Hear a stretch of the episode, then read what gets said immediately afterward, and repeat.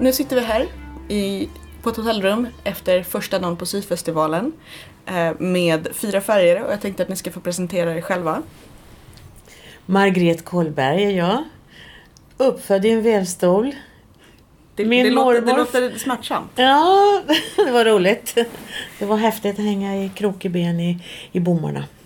Ehm, Min mormor färgade och vävde.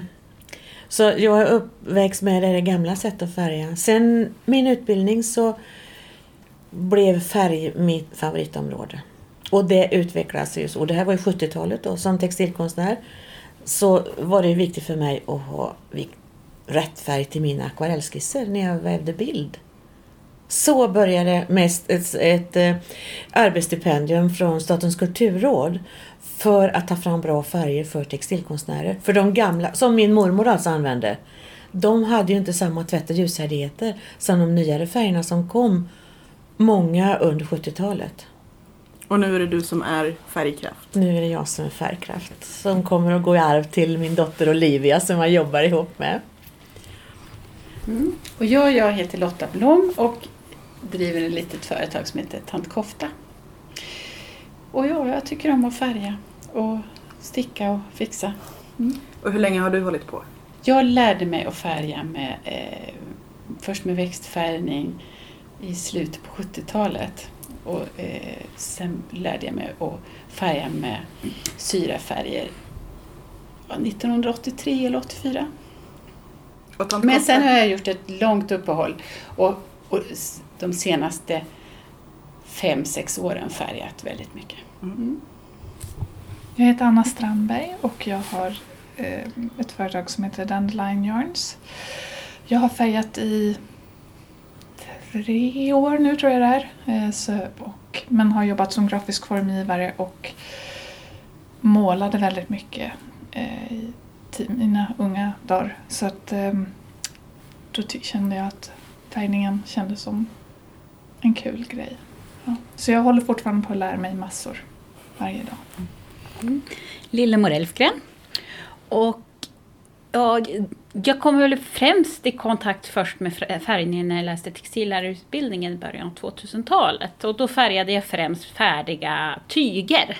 Så det var ju lite andra färger än jag jobbar med idag. Med att färga garner började jag med 2009 och hållit på med sedan dess. Och sen har jag jobbat mycket med färg och textil för övrigt. Mycket inom vävt väldigt mycket stickning och så. Så färgen följer ju som alltid med.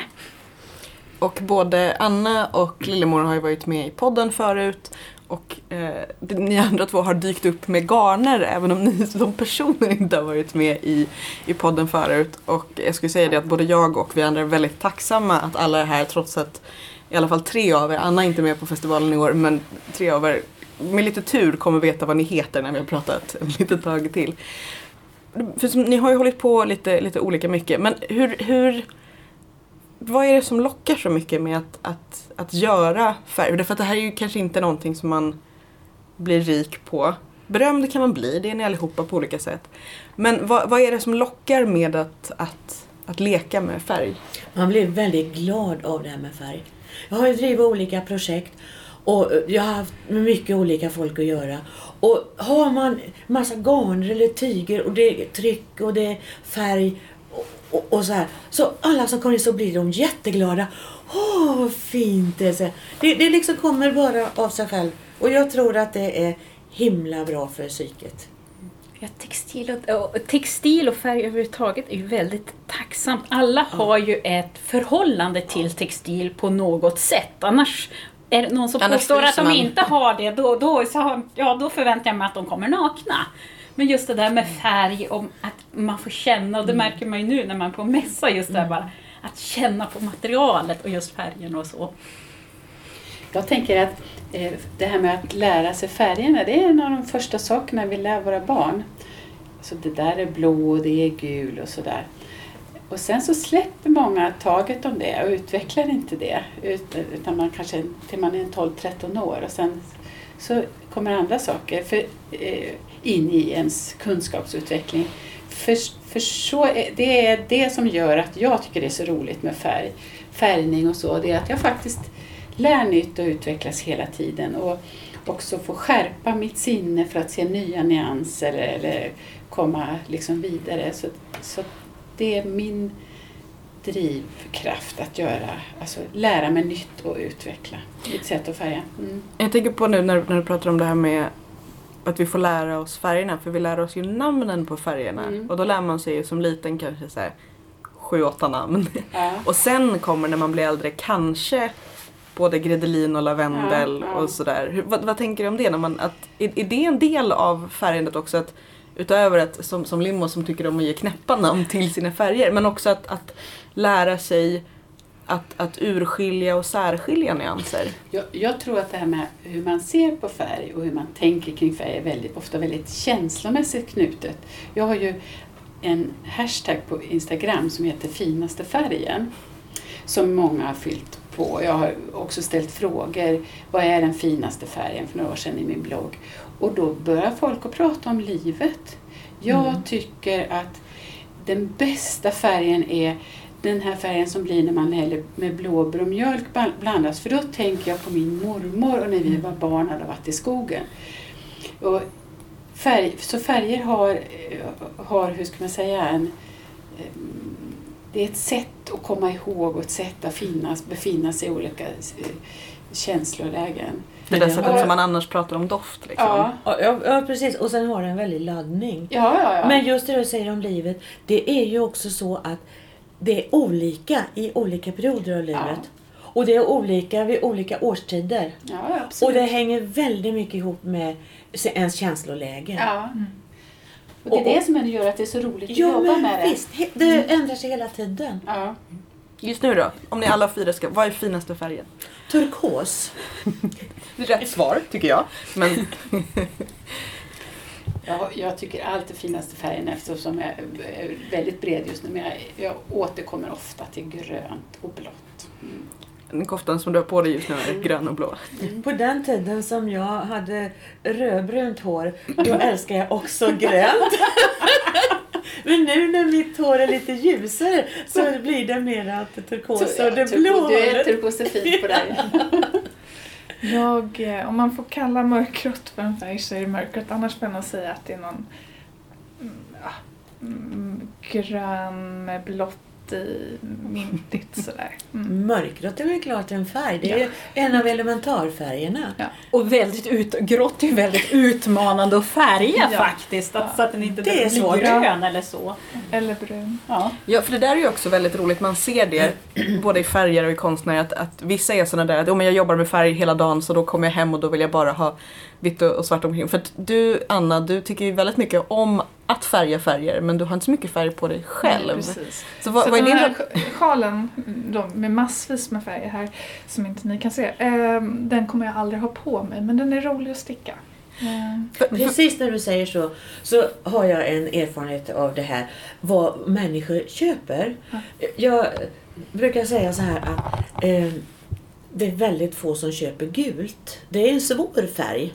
Och det, det är liksom Hill när han var i sina eh, låga perioder som sinnessjuk. Då målade han i eh, väldigt gult. Och Folk ser det när man eh, visar det och tycker det är fint. Och jag tar en sån här blå, säger de sen. Åh, vilken fin gul! Ja, jag tar den här blå. För det Men de är spännande. kommer på grund av att de ser den där gula som Ja. drar till, men de köper det inte. Ja, för det är spännande att säga det. Det har jag mm, på en del amerikanska garnaffärsforum där jag är med. Och det är någon som menar att hon, har, att hon köpte in gult också av vissa av olika färgkvaliteter. Men dem hade hon som just bara dragare för att få resten av färgen att poppa. Men det är så. Ja, och det vet jag ju när jag vävde helst mycket trasmattor för försäljning där slutet 90 början 2000-talet. Och just de där gula var jättesvårsålda. Men senaste året så gult har jag ju verkligen... Ja, Blir för det- det, var ju det jag fick färga typ hela tiden och eh, för något, ett och ett halvt år sedan när vi pratade sist Julia så var det ju det som jag absolut inte ville färga för att jag, alla köpte gult hela tiden. Men det börjar nog gå ut eller försvinna bort. Mm. Men det där med färger, det går i väldiga vågor. Mm. I början på 80-talet så var det väldigt mycket cerise och blått. Mm. Ja, det är, men Klara färger. Och sen, sen så svänger det ju. Mm. Som allt annat. Vad har, vad har du annars för relation till färg, Lotta? Om man tänker utöver att du gillar blått och grönt. Hur, hur lever du med färg? Jag, jag försöker tänka liksom att färg skapar stäm, stämningslägen och så på olika sätt. Jag är ju ganska en naturmänniska på många sätt så att jag eh, använder den som inspirationskälla. Sen tycker jag det är väldigt spännande att se vad händer med den här färgen om jag lägger till den och, och sådär. Så det är så, någonting som jag börjat med på, på senare tid för att utveckla och lära mig själv så att säga. Något som jag också har intresserat mig för det är ju, nu har jag färgat så länge så jag kan bestämma vad jag ska ha för färg. Och så gör jag den. Och det, det är också en sån här eh, kunskap. Och jag tänker att man, det är precis som allt annat. När man har hållit på tillräckligt länge så vet man man kan liksom nästan göra det. Liksom, så, så här gör jag, då får jag den färgen. Eller då tittar man i ett färgblad, nej men jag, jag tar lite till av den så, så slår det över och blir så. Så det är erfarenheter man kan känna enligt det, det tycker jag är väldigt spännande och, ro, roar mig liksom att om jag, om jag gör så och så. Sen har jag, vi har ju hållit på med, jag håller på med ett stort projekt nu eh, som vi faktiskt sjösätter nu som är en färgkarta som vi kallar för färg. Eh, nu tappar jag namnet. Färgspel. Färgspel, tack för den. Det är kväll nu.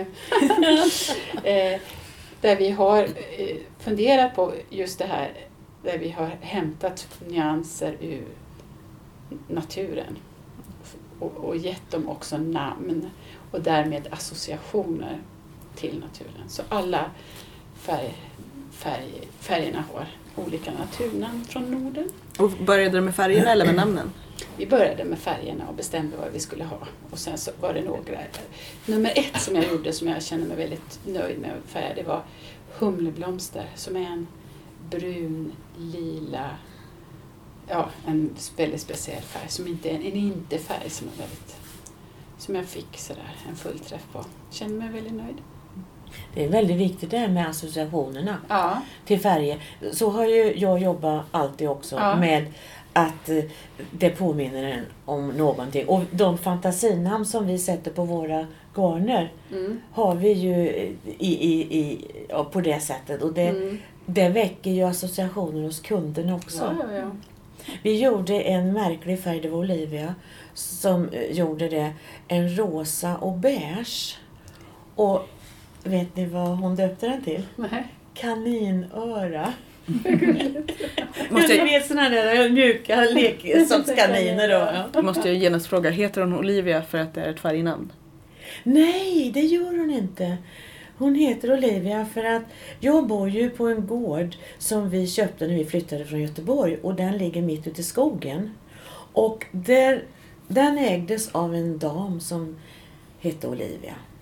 Och hon var väldigt manhaftig den här damen och skötte sin gård och hade en dräng som jobbade för henne. Och då sa vi att om vi nu får en dotter när vi ska få vårt andra barn, då ska hon få heta Olivia. Och då sa ju grannarna, de gamla där, nej vad roligt det kom en Olivia till Olivias gård, så rätt det har blivit. Vad kul. Ja. Men för att du pratar nu om att man kan åstadkomma de färger man vill och man kan leka Mm. med det. Men hur mycket, hur mycket hinner man leka då? När man, när, när man har sitt utbud och folk vill köpa det man gör. Hur mycket hinner, hur mycket hinner du eller ni experimentera? Det är, det är under perioder som jag liksom ställer in mig och, och, och, håller på med experiment. Och sen under perioder så står man ut eftersom man ska, det är ju faktiskt så att man ska leva. Och då är det, då är det produktion och då använder man sina recept. Och som man upprepar då och, och, och som man har då. Sen, sen så går jag, går jag in också för att hålla mig, det här, den här balansen mot att vara produce, fär, producera färgat garn och jobba utvecklande så att det som också händer som, som att kunderna tycker att, att det blir något spännande. Nu, nu kanske jag bara antar att man vill experimentera. Vill man det eller är det roligare att bara... det, det är roligast. Ja. Det går inte att låta bli helt enkelt. Och sen är det ju det där, det är det som är färg, att ibland så råkar man ju hälla fel i grytorna. Det blir inte, jag gissar att det inte bara är så, jag, det ser ut som Nej. det på dig. Förhoppningsvis har man ju skrivit upp då hur det, vad det var man tog. Ja. Och att man tog fel burk. Ja. Nej, och det, är Och det, där, det kan ju bli något nytt jättespännande så, men saker händer hela tiden. De där små pigmenten hoppar väldigt lätt fel. Och sen så tycker jag att det händer ju någonting ibland när man får nya, ny, ny färg från, eller beställer en ny burk så bara, jaha nej men nu var den turkosa faktiskt mycket starkare den här gången och då får jag justera ner och ändra för då stämmer det inte med hur det var tidigare. För sen får man komma ihåg en annan sak och det är det vattnet. ja, Det är ju vattnet det förändras. viktigaste Mm. när man färgar. Om man har hårt vatten så påverkar det färgen. Och är det min andra mineraler så påverkar också färgningen. Mm. Hur, mycket, hur, mycket, hur ofta skiter det sig? Inte så ofta tycker jag nu. Nej, men om, man ska Jag, jag tänkte att det jag skulle vara så att även ni som är bra på Ja, det är saker. klart det- det, skiter sig. Men det är jag- därför det finns svart, du kan alltid färga över. Det är så Nej. stora färgerier gör. När jag nyss hade avslutat min utbildning, 74, då jobbade jag väldigt mycket med tryck. Och tryck för offentlig miljö. Och då så gick ju hälften på tok. Så det, det var mycket kuddar och mycket lakan och sånt. Så när vi sen fick barn och var, upptäckte att andra hade på ett annat sätt, då sa våra barn så här, Åh mamma, kan inte vi också få vita lakan? Ja, det känns igen. Och sen när de, de andra barnen hade sovit hos oss, då så går de hem till sina föräldrar och säger Mamma, Olivia hon har sidenlakan, kan inte vi också ha det? Med färg på. Ja, det, ja, det känner jag för, när man väver och stickar och allt för försäljning. Det man behåller själv, det är det det blir fel Ja, på. men, så är det med garn. Fast det är ju det där, man ska leva på det. Så här, varför ska jag behålla något som är, som är bra, som faktiskt går att sälja, som ger, gör att jag kan betala hyran? Ja, det är ju precis det. Ni, Det ni är era händer- egna skomakares barn. Ja, det som händer mig tycker jag ibland det är när jag slarvar och man, när man har många färgbad att, att det blir att det blir någon härva som får ett stänk ifrån en annan. Alltså att det, så, så att då, blir då får det ju bli eh, lite specialare sådär som man färgar över och om det är sockgarn så blir det något sån här lite udda härva som man färgar en gång till för att fylla på lite sådär. Men, ju hamnar väldigt- den då i liksom sekundalådan eller blir den Nej, en limited den blir- edition? Den blir ofta finare. Ja, för det, det var det jag sa, det blir ju aldrig Det blir ett an- fult. Det blir ett annat djup och man kan Ja. jobba med många färger. Färgen lägger sig ju på, på olika kvaliteter på olika sätt men ibland kan den bli som en, vatt, en akvarellmålning. Man lägger lager på lager och då kan det bli jättespännande med de där. Den där fläcken liksom blir något väldigt. Exakt. Men, men man har inte tid och råd att göra det med varje nytt Nej, det går inte Nej. för det kan man inte hålla på med. Nej. Det är inte säkert det går att upprepa heller. Nej, Nej då blir det one of, of, a kind. Man kan inte upprepa den. Ja, hur många har man gjort som bara åh, det, och det, det blir aldrig lika bra, man försöker igen. Men jag hade en upplevelse faktiskt när vi fick vårt första barn, 76. Och då bodde vi i Göteborg i en ateljélägenhet och jag, hade ju, jag både måla och höll på med textiltryck mest. Och färgade inte lika mycket eh, då. Jag färgade men det var mest textiltryck. Och så hamnade man ju på BB då på Sahlgrenska. Och det var på sommaren. Och sen när jag kom hem, efter, då var man ju tvungen att vara kvar sju dagar som förstföderska. Men jag lyckades tjata mig hem efter fem dagar. Och jag blev alldeles yr i huvudet när jag kom in i vår ateljélägenhet. För vi hade så väldigt mycket färg. Och på sjukhuset så var ju allting vitt och beige och grått. Och jag var tvungen att sätta mig och det tog en stund innan jag hämtade mig där. Men sen efter ett tag så kände jag mig ju själv igen att jag trivdes ju i allt det där med färgen överallt eh, omkring mig. Vad är det mer för, för svårigheter då? Som antingen som är självklara eller som man kanske inte tänker på. Vad, vad, är, vad är utmaningarna i att vara färgare och inte bara någon som tycker om att färga garn? Alla kartonger som ska lyftas. Eller få plats med alla kartongerna säger jag som har allting i en liten lägenhet mitt i Stockholm. Eh, ja. Nej men tunga lyft blir det ju. Det garn blir väldigt tungt när man ska Mm. lyfta upp det ur grytor. Hett vatten. Ja. Men överhuvudtaget att jobba med textil är ju tungt. Tygrullar och, och garn, det blir ju jättetungt. När det inte är på hobbynivå utan man Mm. har eh, mycket. Mm. Och man får ju ofta höra det här, åh vad mysigt du har det, du sitter och stickar och jobbar med garn hela, hela dagarna. Alla flinar nu. Men, eh, och ja, man får jobba med det man är allra mest intresserad av. Det, det är ett privilegium, men det är ju som alla jobb. Man ser ju ofta inte de mindre glamorösa sidorna med vi har alla bokföring som alla företag. Just det där, en mässa, det är ju hela dagar med packning, körning och sådana saker som inte det visar man inte. Det är inte lika roligt att visa på Instagram heller. Eller all förberedelse inför Mm. en mässa. Det, det är ju det tyngsta. All tejp som går åt. Men det här med att det är ett sätt att leva tycker jag. Och man blir ju aldrig rik. Men min målsättning är ju att kunna överleva på det sätt som jag gärna vill leva. Jag vill leva på landet, jag vill kunna färga och vill kunna styra mig själv. Och det har ju många frågat sig, men hur kan du leva på det? Och när min man och jag jobbade ihop då, eh, innan han gick bort, så då så då, då brukar han ju säga så här, ja man dör ju inte av det. det gör man ju inte. Man blir ju inte rik. Men kan man bara lyckas betala räkningarna så kan ju det vara bra. Ja, för mig är nog utmaningen det här att man, eh, som ju är, alltså att, att man, får, man får lov att ligga i. Det är tungt och det, eh, inför en syfestival så här så är det ju väldigt mycket att göra. Och som, man kan inte som, det är, jag har ju levt på min firma helt och hållet i fyra år. Innan dess så hade jag både och och hade lönarbete bredvid. Men, men eh, alltså när man är anställd så kan man känna att idag jag mår jag skit. Idag, idag sjukskriver jag mig. Det finns inte. Nej, det gör det inte. Det är bara upp och köra igång. Det, För annars så blir det ju inte gjort. Så att det kan jag ibland känna att eh, Och får man en förkylning så måste man ändå gå och göra vissa så måste saker. man göra det ändå. Ja, det ska extremsituationer till. Ja, innan man, ja, visst. och till exempel, det ska ju mycket till att något ska hända innan man ska ställa in en sån här mässa till exempel. För det är Mm. så mycket kostnader och förberedelser innan. ja, men också det att utöver att ställa in mässan så också att är man förkyld i två veckor innan så är, men det spelar ingen roll därför att det måste packas Mm. inför Ja, mässan och det ska måste liksom färdigt fixas. Mm. Så det är ständigt, man planerar ju inför till exempel som syfestivalen, det är ju en planering man jobbar ju med i månader innan. I alla fall Mm. gör jag det. Ja. Mm. Att man har det i åtanke att tillsammans med allt så måste man parallellt lägga undan så man ha- äh, säkrar att man har tillräckligt med produkter. Och den biten är nog faktiskt svårast. Projektledningen tycker jag. Det är min största utmaning. Där, där har mycket att lära mig. Men även balansen emellan, som du säger projektledningar, balansen mellan hur mycket man verkligen orkar. Ja. Om man då bokar in, vi har ett års inbokning på vad vi ska göra. Och då gäller det att det Du är inte... ju järnlady nu och åker på hur mycket grejer som helst. Ja, jag tycker det är jätteroligt. det är hur fräck som helst. Hon orkar allt. Jag har kört på mässor sedan början på 90-talet.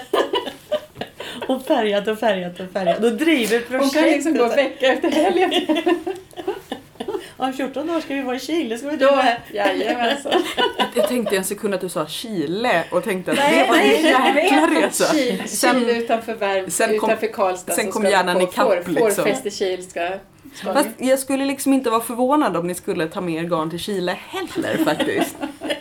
Va? Kan, må, kan man begränsa sig? Eller ska man begränsa sig? Men Anna, Anna ska ju till Edinburgh, det är nästan samma sak.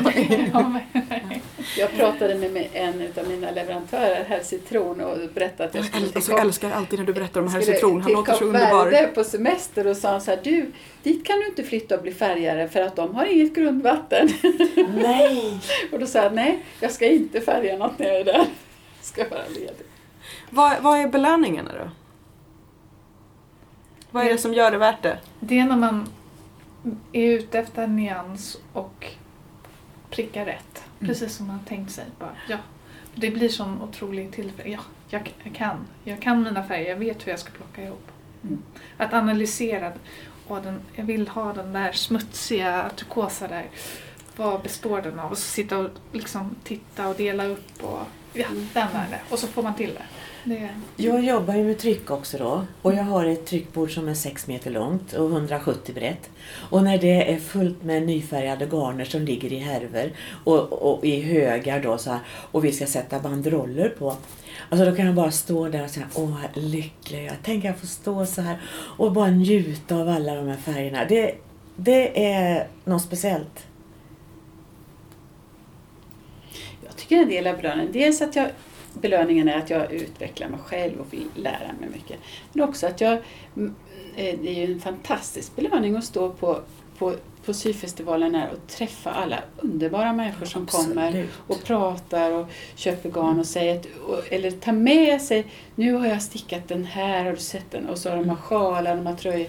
Det är Ja, just när de kommer tillbaks Ja, och visar ja. det här köpte jag i fjol. Titta, Och titta blev." här och jag är så Ja. nöjd. Och, jag, och sen, den här sjalen har jag haft varje dag sedan jag gjorde den klar. Mm. Det, är, det är en fantastisk belöning. Sen Jag tänker det- att det, det blir lite som en kombination av, av det du sa eh, Margareta om, om att man blir glad av färg och som du säger Anna om att pricka rätt. Att när man har prickat rätt också så att man ser att någon annan blir glad Ja, av det. Ja, När man har gjort absolut. någonting som, som träffar, Ja. träffar någon annan.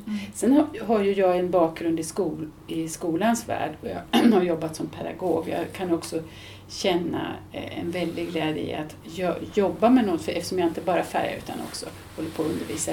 Att när, när jag träffar människor som får lust att göra saker och eh, liksom den här energin som, som, som ju faktiskt är det som jag tänker är lite livets krydda. Göra kul grejer.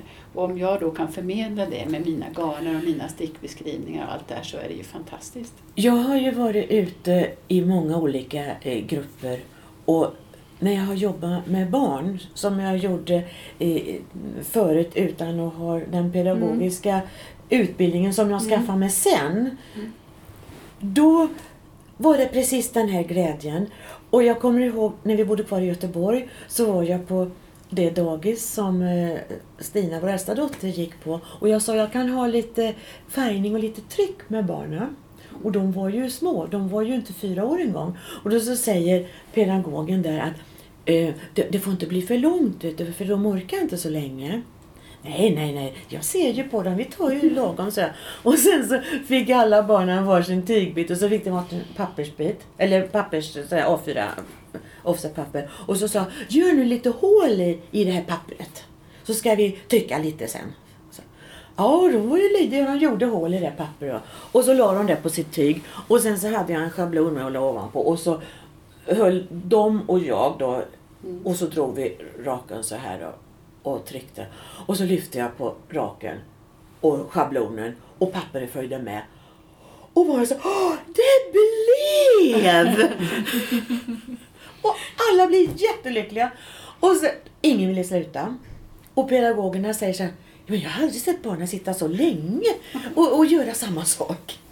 Kan inte det också ha haft att göra med, nu är jag kanske lite utanför det här samtalet, men att, att någon just gav dem någonting som inte var till för barn? Det tror jag att all, alla vet när de får någonting som inte är liksom anpassat för en sån liten som du. Kan faktiskt ligga något Jag, jag tror väldigt mycket på att det handlar om när, eh, att det kommer någon som brinner för något. De får Ja, det- med sig den energin Mm. och då kan, då kan de vad som helst. Så att just det här, man delar upp. Och jag har Du alltid tyckte, att brunnit det för var, färg. du Ja, så jag tyckte, tyckte lika, så- du tyckte ja. det var jättekul och så tänkte jag, oh, då tyckte de också det var jättekul. Och sen textil är ju lite magiskt just det där. Det är väldigt pedagogiskt. Det är lätt att visa hela processen. Jag har också Mm. jobbat mycket med barn och ungdomar och då mer utifrån ull och fibrer. Eller det är ju vuxna också. Det är helt magiskt. Man ser på dem hur magiskt det är när man Mm. har bara en liten tuss och så helt plötsligt bara med fingrarna hur man Ja. spinner en tråd. Hur... Jag tänker också på den här att, att få responsen och feedbacken. Hur, hur stor roll spelar, spelar internet i er, er vardag, både vad gäller försäljning men också just feedbacken? Idag är ju internet väldigt, väldigt viktigt. Jag som kommer från en annan tidsålder höll jag på att säga. Så, jag just pratat om mobiltelefoner och hur stora de var för 25 år sedan. Så det, jag tycker det är jätteviktigt. Och vi har ju en webbutik och eh, det är väldigt lättarbetat tycker jag. På den tiden som min man tog hand om kunderna, då satt ju han och pratade med kunder i telefon. Och han hade ju kontakter över hela Sverige då. Han pratade färg och han pratade recept på mat. Det, det hänger väldigt mycket ihop det här med matlagning och att göra recept till färger också. Eh, men idag är det ju inte riktigt så. Nu är det ju eh, beställningar i en butik på nätet och det är frågor via mail. Väldigt mycket. Eller via sms. Det var ju alltid bara telefon för. Lotta, jag tänker på när du pratar om jag, liksom jag, hashtaggen. jag, skulle inte, jag skulle inte finnas som företag om inte internet hade funnits. Först med bloggen och sen med Instagram och Facebook. Ja, för du pratar om hashtaggen finaste färger. Mm. Liksom. Hur, hur, hur viktigt känns det då? Att, att, tror ni att det är en del i att, att ni orkar kanske? Att få se, inte bara på, på mässorna få se hur det blev och att folk blir glada. Att få dela mer av hur ni det jobbar. är jätteviktigt. Jätteviktigt. Ja. Jag håller, Och sen, ja, jag skulle inte heller finnas eller kunna om inte eh, jobba om det inte var för internet. Mm. Det är, jag lever helt och hållet på Instagram. Ja. Nej, jag, jag håller med det också. Nu hade jag ju jag startat företag 2006. Jag höll på med, jag höll på med marknader sedan tidigt 90-tal jag också. Men just med internet, att du får ett helt annat sätt att bygga som med allt, alla varor och tjänster, det handlar om att bygga relationer till kunderna. Mm. Och med eh, Instagram, Facebook, du bygger relationer på ett helt annat sätt. Och som jag, jag bor i Vännäsby, tre mil väster om Umeå. Jag har, jag har inte lika stor, mycket kunder i, eh, på plats i mitt närmsta upptagningsområde. Så för mig just webbutiker och och sen så får man komma och, och de får träffa mig och jag får träffa dem på riktigt på mässorna. Det är stort. Tror ni att det Vet du att det- förändras också hur folk ser på just handfärgat, handgjort? Saker som är mer på riktigt. Ja, det är stor skillnad tycker jag. jag. Jag tycker jag har sett väldiga svängningar under de här åren. Och eh, nu så börjar ju fler och fler förstå vad det är viktigt med naturmaterial. Och att det är bra hanterat. Och att fåren har varit bra hanterade. Och att man förstår vad mulesing är. Och att det är ingen man ska sträva efter. Och sedan att man också förstår att det har funnits mycket giftigt inom textilindustrin. För textilindustrin är ju en av de smutsigaste industrierna. Det är ju därför vi inte har så mycket kvar i Sverige. Utan det har vi ju flyttat till sådana länder som inte har så mycket reglering kring utsläpp och så. Och, och sen så är det ju lite grann det här att under 70 och 80-talet så var ju en stor våg med växtfärgning. Och jag har alltså haft kunder, för, kunder då som inte har köpt det här garnet för det var inte växtfärgat. Fast att det såg ut precis som växtfärgat för att Mm. man kan ju bestämma kulören. Mm. Och då frågar man ju lite varför var det växtfärgat och så viktigt. Då tror man att växtfärgat har varit väldigt miljövänligt. Men det är ju Det är faktiskt tvärtom. tvärtom. Mm. För att få fram en fin färg så använder man ju jätteotrevliga kemikalier både för garnet ja. Ja, Alltså så, tändsalt och, och järnvitriol och kopparvitriol är ju jättefarliga saker. Både för färgaren, materialet och miljön. Mm. Och, och det har mycket försvunnit av nu. Och nu förstår man ju att ett, ett em, syntetiskt eller kemiskt framställt färgstoff kan vara bra då för att det är gott godkänt och att det är gjort under rätt Ja. betingelser då. Och det är därför jag tror att efterfrågan på den typ av garner och och textilier som vi framställer, den ökar. För där kan vi, vi kan verkligen berätta och vi, och vi visar ju dagligen i bilder. Ja. Instagram, Facebook till exempel, just det här hur vår, det krävs eh, påläggning av våra händer på varje härva garn som produceras. Vi kan berätta om hela vägen verkligen. Och vår småskalighet gör ju att dels för vår överlevnad Mm. men också att jag tror att vi alla eh, eftersträvar det, att det gör att vi kan minimera verkligen spillet. Och, och som du Lotta nu berättar om, Herr Citron som Ja, är din tror- leverantör och Herr Citron kan nästan del- berätta om varje får. Och, Ja, jag, jag, jag, jag tänker att väldigt mycket är också när man håller på i sån här liten skala att det är inte, eh, kunderna köper inte bara ett garn av god kvalitet som vi också har berättat om. Det är ju en, en slags folkbildning när man eh, berättar om det här, alltså ursprung och allting. Och det så att är folk, verkligen kun, kun, folkbildning. kunskapsnivåerna eh, bland, alltså folk vet och kan mycket mer när man kan få ta reda på saker på internet. Men det är också, tänker jag, att man köper ett garn som har en berättelse. Att man Till har tillsatt, exempel- ni har tillsatt både Ja, färg har- och någonting ja, personligt. för berättelsen är ju i det här Instagramflödet. är ju vad, vad man visar för bilder. Så folk, tänker jag, eller mina kunder har ju en bild av mig och om eh, hur jag har det och så. Och då vet de att ja, det är hon har gjort. Så att jag har ju i min lilla butik hemma, som ju är kärnan i allting, där har jag ju inte bara handfärgade garner utan jag tar in andra garner av god kvalitet som jag gillar och har plockat ut. Men väldigt många kommer in, när jag, särskilt när det kommer kunder långt ifrån och liksom så. Nej, jag ska inte ha något, jag ska ha något som du har färgat. För de har Mm. kommit till tant Kofta. liksom, ja, Mm. då, är det, då är det liksom själva Mm. Berätt, eller själva det som är jag som de vill få med sig hem. Mm. Liksom. Mm. Vad tror ni om man tittar på, på eh, trender och vad som händer? Om, om vi träffas igen, eller när vi träffas igen på syfestivalen om ett år eller ett halvår. Vad tror ni har hänt då? Vilka färger är stora? Eh, vad kommer folk vilja göra? Vad, vad, liksom, kan, man, kan man gissa det? Eller är det eh, ut, utöver vad liksom Pantone säger är årets färg? Går det, går det någonsin att gissa vad som kommer att gå jättebra? Vad man ska ha med sig i vilka mängder och sådär? Man kan ju titta på, på inspiratörer eh, som kanske ligger liksom i framkant. Vad de, vad de sticker i eller vad de gillar för någonting. Eh, det kan vara ett bra tecken. Fast då kanske man hamnar väldigt mycket för långt fram. Då kanske man får tänka ett och ett halvt år framåt. Mm.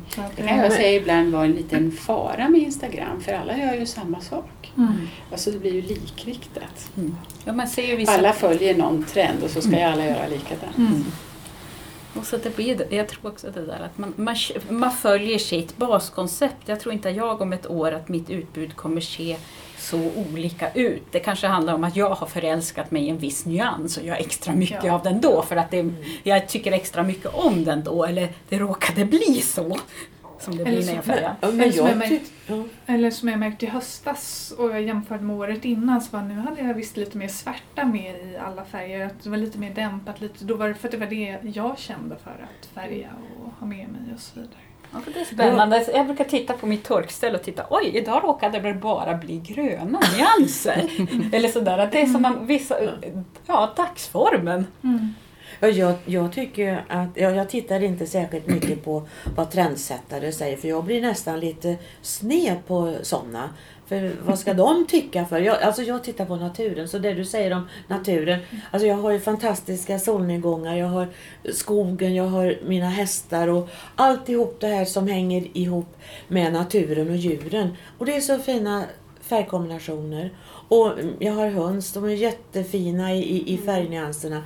Så det tittar jag på. Och då, sen tycker jag så här att det jag möter hos våra kunder då, det är att de ser det här också. Och de bryr sig inte om vad någon trendsättare har sagt att nu är det modernt med sånt eller sånt. Utan de kommer ju och säger då, men vad fina färgkombinationer det här är.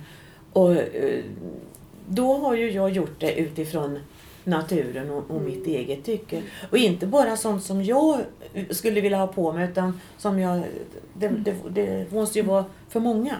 Då tror jag lite att det, trend, det trendsättarna tittar på är ju sådana som du. Du är ju en- alltså liksom steget ovanför.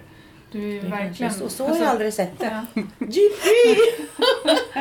Ja, men så kan jag se det ibl- eh, ibland. Liksom, eh, de som är ännu mer före, liksom de som går till naturen och tittar. Alltså, Men det kanske, något kanske också näst, när, om ett steg av trygghet och utveckling är att veta att jag kan åstadkomma färgen jag vill åstadkomma. Så kanske sen hittar man till tryggheten och kunskapen att bara, nej men jag, jag vilar i min, i Och min så- färgkänsla och min färgkunskap. Att man, Så känner ju jag. Det, det gör jag. Då är det jag. Sen kan ju någon be mig göra någon viss färg. Okej, det kan jag ju göra. Men det blir ändå med lite inslag det. av jag i det. Det finns inte. För det tror jag också att om man nu, för det här är ju faktiskt så att det är ganska många som vill färga. Många som, som startar färger i, eh, i och så.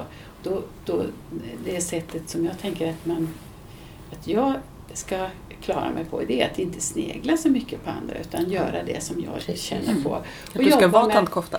Ja, och sen jobba med, jag, jag färgar ju absolut inte i någon mikrovågsugn utan jag färgar bara i gryta med sakta upp och sakta ner för att få och fixera ordentligt. Alltså göra olika sådana grejer eh, som jag hå- håller fast vid.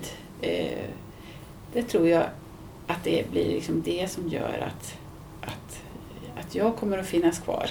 Sen så utvecklas ju jag i saker som är intressanta och det är klart att jag påverkas av det som kommer i ett flöde på Instagram eller det som händer i samhället. Jag tänker nu, ja, vad ska vi ta för rosa färger nu när, efter Pussy Hat? Alltså, det måste ju bli några sådana rosa toner. Vad kan man göra av det? Alltså, lite Fast så. det, och då kan det ju också bli att istället att man ser jättemycket rosa i flödet och så vill man färga en helt annan slags rosa. Ja, ja, men man visst, vad kommer på att vad rosa finns. Mitt, jag påverkas ju då, vad blir mitt... och- jag påverkas inte bara av färgen utan av orsaken till att de gör de här mm, eh, mössorna. Och det är självklart att på något vis så vill ju jag knyta an till det också för att stötta det. Liksom. Mm. Finns det någon färg som ni vet alltid säljer men som ni, om ni fick bestämma, aldrig skulle färga igen? Finns det något, något som ni antingen inte gillar färgen eller tycker är jättekrångligt att få till? Det är väldigt svårt att färga riktigt, riktigt ljusa färger. Den För det är, så, ja, det är så lite färgstoff i badet så att det, den första delen utav materialet som kommer ner, det fastnar ju på det. Det tar, det tar jag. Ja, det är, jätte, det är väldigt svårt. Så att det tar jag inte gärna beställningar på. Men jag gör det gärna när jag gör det på mitt sätt då. Jag, tycker det är så, jag brukar kalla det skolkartongsfärgerna. Tänk er de här basgul, basgul den där döda Åh, grön, vad tråkigt. den röda och den blå. Jag vet inte om de är så lätta. Jag har eh, någon gång lyckats få den där hemska gröna och gula men de, de går ju inte att jobba med. De har ju inget liv och ingen nyans. Så, där. För det där också med nyanser, det tycker jag det är också ett sätt att kunna konkurrera med industrins sätt att färga. Ja, just det. För, för jag har ju i jättemånga år jobbat med det här sättet som man, när man färgade själv på 1800-talet och- och början på 1900-talet. Man hade inte så himla eh, bra färger om, om man gjorde, gjorde det i, i liten skala då. Men att man hade kanske trånga bad. Så det blev ju så, så som jag gör. Jag lyfter ju gärna upp och jag gör trånga bad för att få det lite va, liv i ytan. För jag tycker om man stickar eller väver av det så blir en sån yta så otroligt mycket vackrare.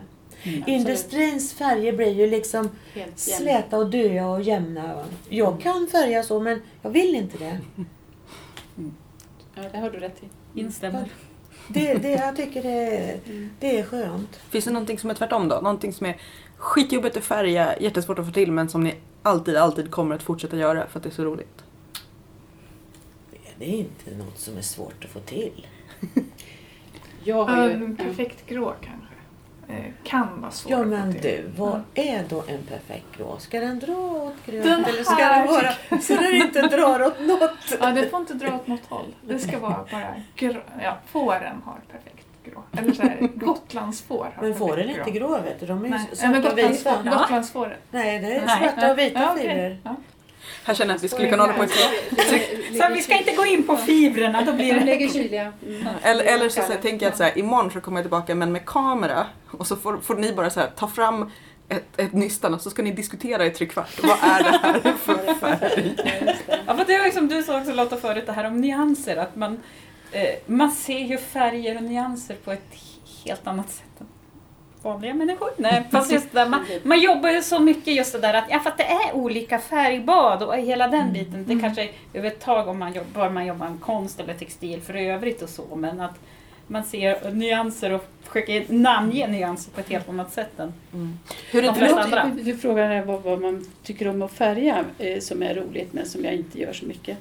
Jag tycker det är väldigt kul att färga softblanks. Det är alltså sådana här långa Mm. stickade remsor som man repar upp. Och det är, det är ganska omständigt om det ska bli bra. Det har jag känna- aldrig gjort. Så, känner, så att det blir väldigt mäckigt. Och de är väldigt uppskattade och eh, när jag gör några så eh, säljs de på, på, på stubberten men det tar alldeles för lång tid. Mm. Så att det gör jag bara ibland. Om man tänker på just att prata om färger då. eh, Är det roligt eller störigt eller både och när det kommer en kund som har någon slags uppfattning om vad de är ute efter? Och det, Det har jag kul. en rolig historia om. Berätta. På, I slutet på 60-talet så jobbade jag hos Sarania. Vi, vi kom till Göteborg 68 och läste på universitet. Och eh, det var dåligt lågt studielån och så. Så vi extraknäckade min man och jag med att färga eh, tröjor till eh, studentkompisar. Och då färgade jag med Serranea, batikfärg som det heter. Det är en kypfärg då. Och, och sen så kom jag på, ja men hon finns i Göteborg, då går jag ju dit och handlar, tänkte jag. Mitt dumma nöt. Och så travade jag in där och frågade om man kunde köpa. Nej, vi har inte affär. Nej, så jag. Kan jag inte få köpa lite ändå då?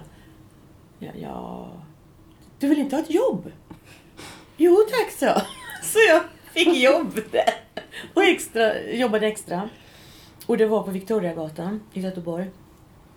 Och då var det på sommaren sen året efter. Då ringde en dam från Värmland och ville att jag skulle hjälpa henne att göra en elefantgrå färg.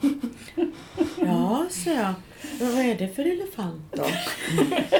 är, det, är det en liten elefant eller en stor elefant? Och hon, hon förklarade så.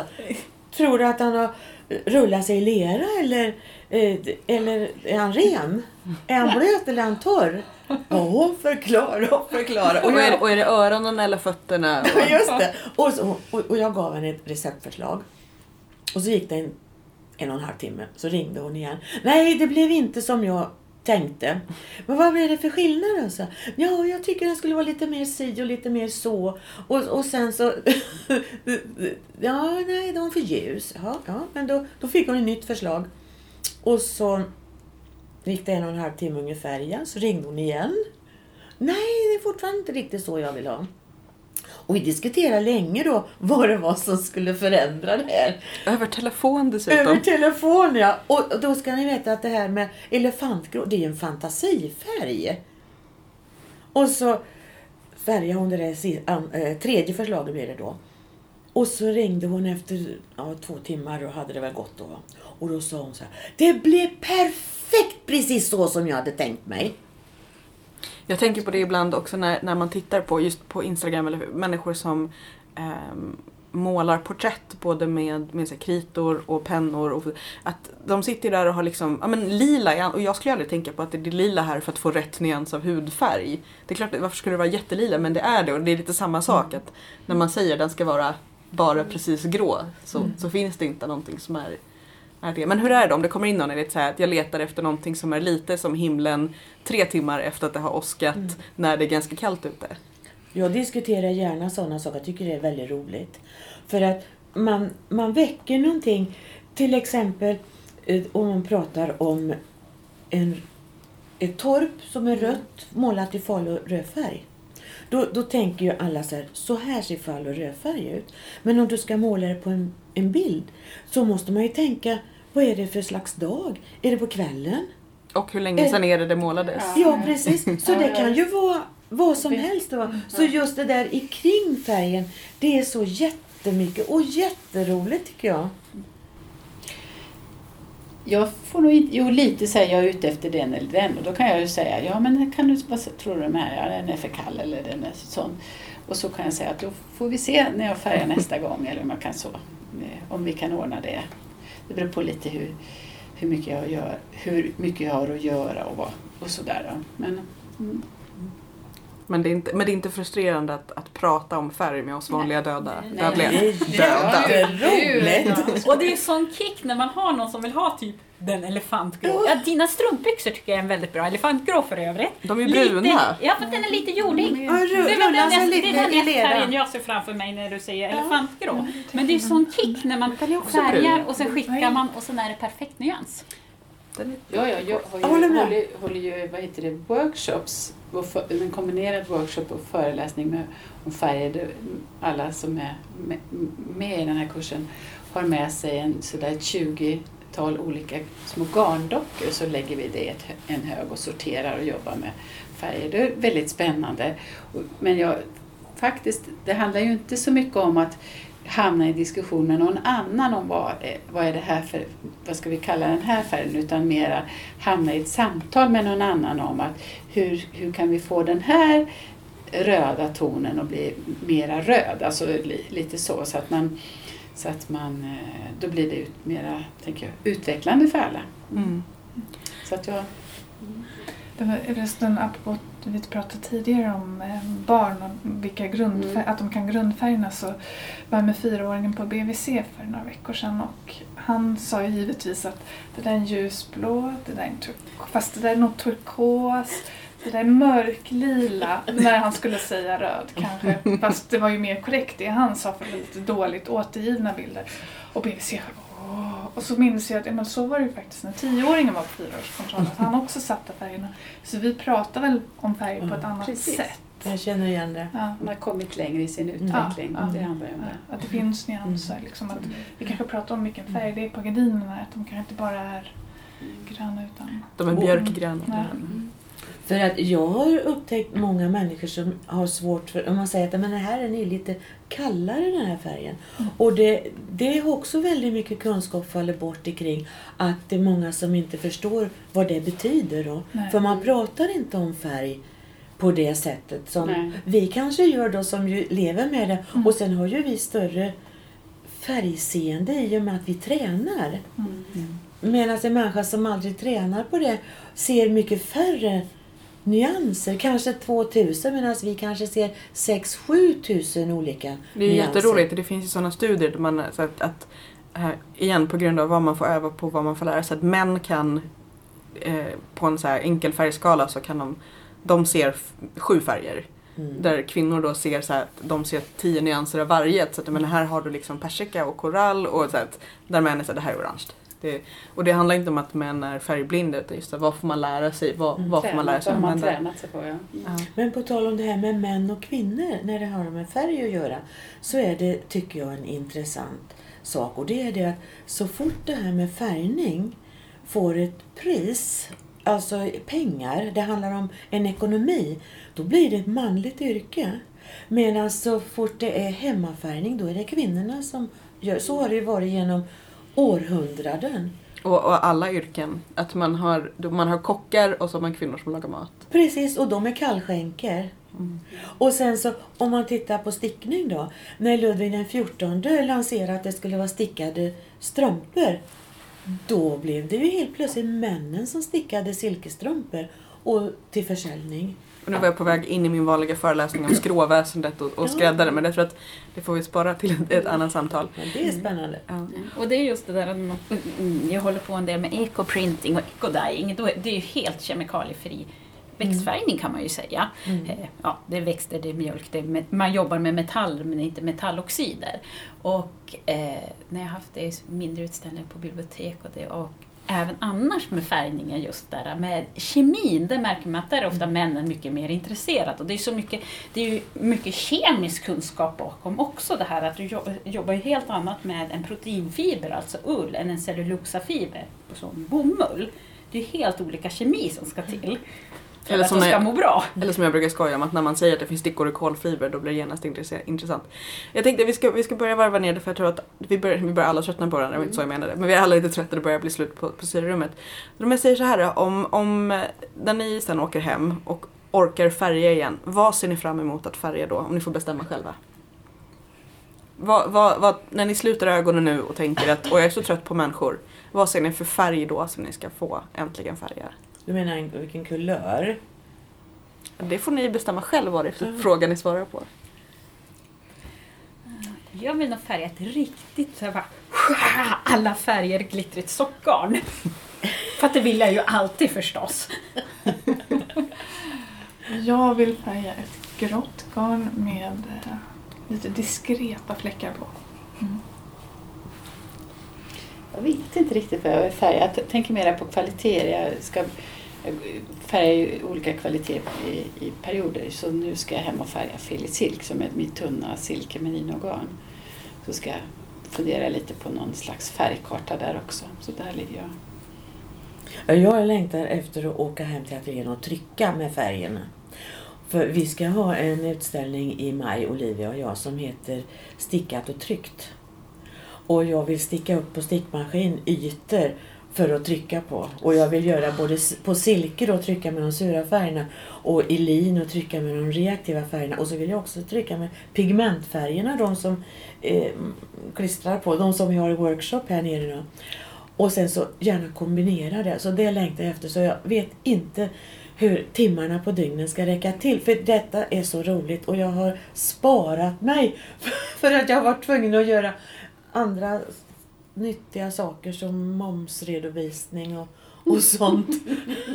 Kom, kommer det gå att hitta information om den utställningen på er hemsida och så? Ja, vi ska försöka vara duktigare med hemsidan men det kommer ju Instagram. Instagram nu. Ja, Instagram, Instagram ska, ja, För ja. att jag, jag känner att det här är någonting som... Färgkraft på Instagram. Ja. Nu, nu säger vi det och sen börjar du. Och sen blir det en Vi, sanning. vi har legat lite lågt Nu har vi sagt för det in i mikrofonen, då är det på, då är det på riktigt. Det kommer på Instagram. Ja.